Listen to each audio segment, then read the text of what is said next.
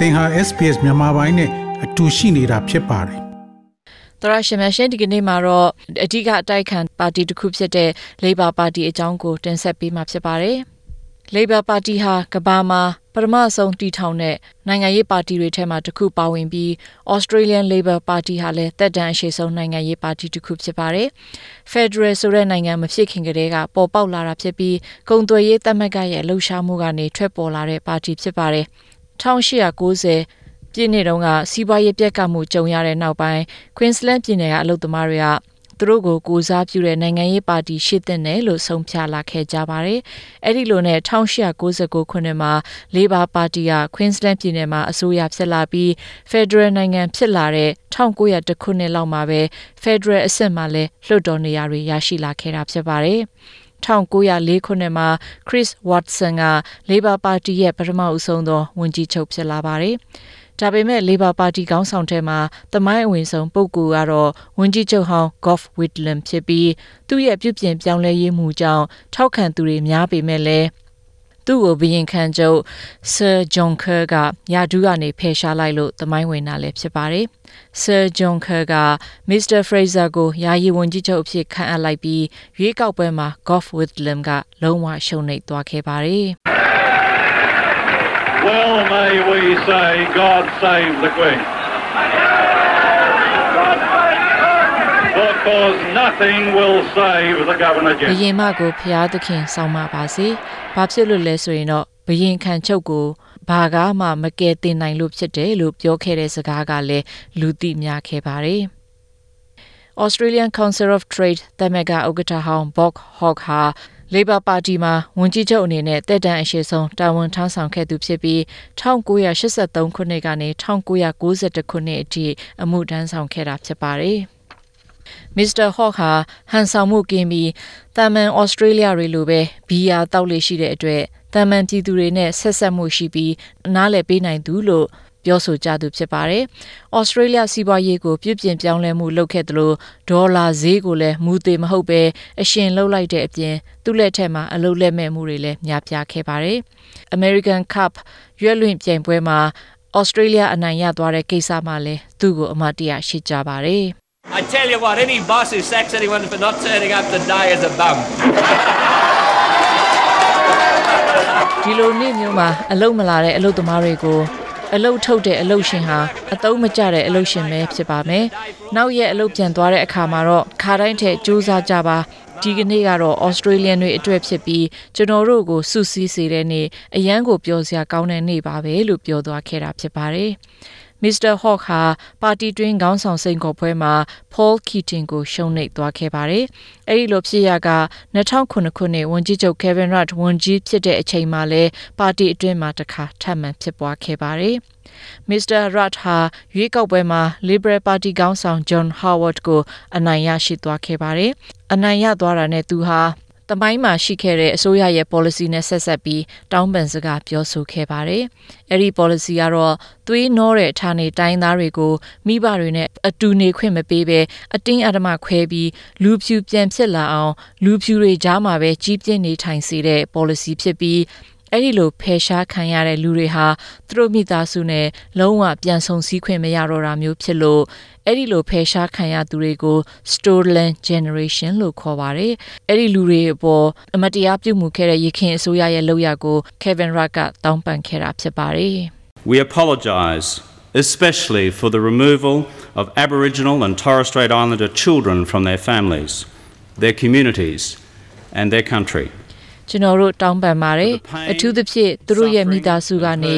အတိုင်းဝိုင်းကနေသူတို့ရဲ့နယ်ကနေအတင်းအဓမ္မဖယ်ရှားခံရတဲ့ Aboriginal နဲ့ Torres Strait Islander ဌာနေတိုင်းသားတွေကိုတောင်းပန်ချင်ပါတယ်။ Stolen Generation ကိုကိုယ်တိုင်ခံခဲ့ရတဲ့လူတွေ ပြီးရင်သူတို့ကနေဆင်းသက်လာတဲ့မိသားစုဝင်တွေနဲ့သူတို့ကိုအတင်းအဓမ္မခေါ်ထုတ်သွားလို့ကြံရိခဲ့ရတဲ့မိသားစုဝင်တွေအားလုံးကိုလည်းတောင်းပန်လိုတယ်လို့တမိုင်းတွင်နဲ့တောင်းပန်မှုတရားကိုပြုလုပ်ခဲ့ပါတယ်။အဲဒီနောက်ပိုင်းမှာ National Sorry Day ဆိုတာလည်းပေါ်ပေါက်လာခဲ့ပါတယ်။ Kevin Rudd လက်ထက်မှာခေါင်းဆောင်မှုစိန်ခေါ်ပွဲတွေလည်းတစ်ကြိမ်ထက်မနည်းဖြစ်ပေါ်ခဲ့ပါတယ်။ 2010ဂျွန်လမှာ Labor Party ရဲ့ဒုတိယခေါင်းဆောင်ဖြစ်သူ Julia Gillard က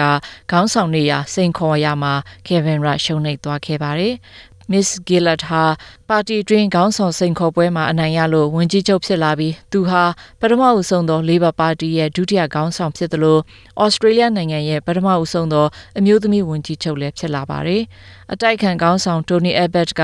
သူ့ကိုဝေဖန်မှုလုပ်တဲ့လုပ်ခဲ့တာနဲ့ပတ်သက်ပြီးသူကလွှတ်တော်အထက်မှာအခုလိုတုံ့ပြန်ခဲ့ဖူးပါတယ်။ I rise to oppose the motion moved by the Leader of the Opposition. And in so doing, I say to the Leader of the Opposition, I will not be lectured about sexism and misogyny by this man. I will not.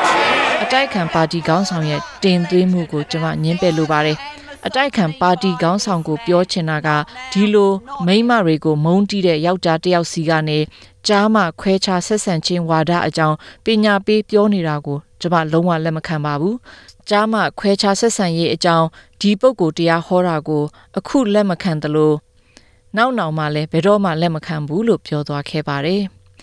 အဲ့ဒီအတော်အတွင်းမှာပဲဂျူလီယာဂီလာဟာခေါင်းဆောင်နေရအတွက်ကေဗန်ရရဲ့စိန်ခေါ်မှုကိုပြန်ခံရတယ်လို့ Liberal Party မှာဆိုရင်လည်းခေါင်းဆောင်ဖြစ်သူ Tony Abbott ကလည်းစိန်ခေါ်ခံရလို့ခေါင်းဆောင်နေရစိန်ခေါ်ပွဲခေစားခဲ့ပေမဲ့ပြည်သူတွေကတော့ပါတီအတွင်းအာဏာလုမှုကိုစိတ်ပြက်လွန်းပြီလို့ပြောဆိုခဲ့ကြပါတယ် 2012ခုနှစ်ဖေဖော်ဝါရီလမှာ Mr. Rudd က Miss Gillard ကိုစိန်ခေါ်မှုလုပ်ပေမဲ့အောင်မြင်မှုမရပါဘူး။2013ခုနှစ်မှာတော့ဂျူလီယာဂီလာကခေါင်းဆောင်ပိုင်းမှာဘသူဖြစ်တဲ့လဲဆိုတာပါတီဝင်တွေရဲ့မဲကောက်ခံမယ်လို့ပြောတဲ့အခါမှာတော့ Kevin Rudd ပြန်လည်အနိုင်ရရှိပေမဲ့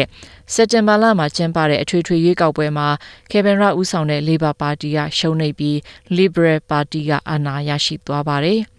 အဲဒီနောက်ပိုင်း Labor Party ကို Victoria ပြည်နယ်တမက်ကခေါင်းဆောင်ဟောင်း Bill Shorten ကနေရာယူလာပါတယ်။သူဟာအစောပိုင်းတုန်းကပါတီအတွင်းနေရာလူပွဲမှာမစ္စတာရာဖက်ကမှရတည်ပြီးနောက်ပိုင်းမှာမစ်ဂေလာဖက်ကိုရတည်ပေမဲ့ နောက်တစ်ဖန်မှာတော့မစ္စတာရတ်ဖက်ပြန်လည်ရတည်သူဖြစ်ပါတယ်။ပါတီအတွင်းခေါင်းဆောင်ရွေးချယ်ပွဲမှာမစ္စတာရှော့တန်က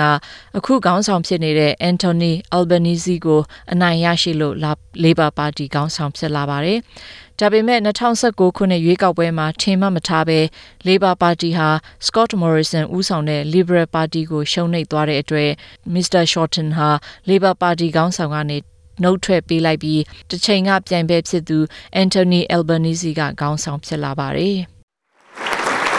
This has been a tough campaign, toxic at times. But now that the contest is over, all of us have a responsibility to respect the result ခက်ခဲတဲ့ campaign ဖြစ်ခဲ့တယ်လို့တခါတရံအစိတ်အတောက်တွေဖြစ်ခဲ့တဲ့အချီပါပဲဒါပေမဲ့အခုဆိုရင်ပြိုင်ပွဲကပြီးသွားပြီမို့ကျွန်တော်တို့တွေရွေးကောက်ပွဲရလဒ်ကိုလေးစားကြရမှာဖြစ်ပါတယ် ဩစတြေးလျနိုင်ငံကိုစူးစီးစေချင်တဲ့ပြည်သူတွေရဲ့ဆန္ဒကိုကျွန်တော်တို့လေးစားရမှာဖြစ်ပါတယ်။နောက်တက်လာမဲ့ Labor Party ခေါင်းဆောင်အတွက်ကတော့အလုပ်တွေဆက်လုပ်ရအောင်မှာဖြစ်ပြီးကျွန်တော်ကတော့ Maribyrnong မဲဆန္ဒနယ်ရဲ့ကိုယ်စားလှယ်အဖြစ်လွှတ်တော်မှာဆက်လက်ရှိနေမှာဖြစ်ပေမဲ့ Labor Party ခေါင်းဆောင်နေရအတွက်ဝင်အရွေးခံမှာမဟုတ်တော့ဘူးလို့ပြောသွားခဲ့ပါတယ်။နှစ်အတွင်းစစ်တမ်းရလာတွေမှာ Labor Party ကအနိုင်ရမယ်လို့ တောက်လျှောက်အဖြေထွက်ပေမဲ့ထင်မှမထားပဲ Liberal Party ကအနိုင်ရသွားခဲ့လို့ Scott Morrison ဝန်ကြီးချုပ်ဖြစ်လာတာယနေ့အထိပဲဖြစ်ပါတယ်။ Sydney တက္ကသိုလ်က Department of Government and International Relations ဌာနရဲ့စာပြပုဂ္ဂိုလ်ဒေါက်တာ Peter Chan ကစစ်တမ်းကောက်ယူတဲ့ကုမ္ပဏီတွေသူတို့ကောက်ယူမှုပုံစံကို ပြန်လည်ဆန်းစစ်ရမယ်လို့ပြောသွားခဲ့ပါတယ်။ You only need to, you know, slightly make some errors in the way in which you sample people and you get that sort of distorted result. And so uh, the question, I guess, for pollsters who are, you know, private companies.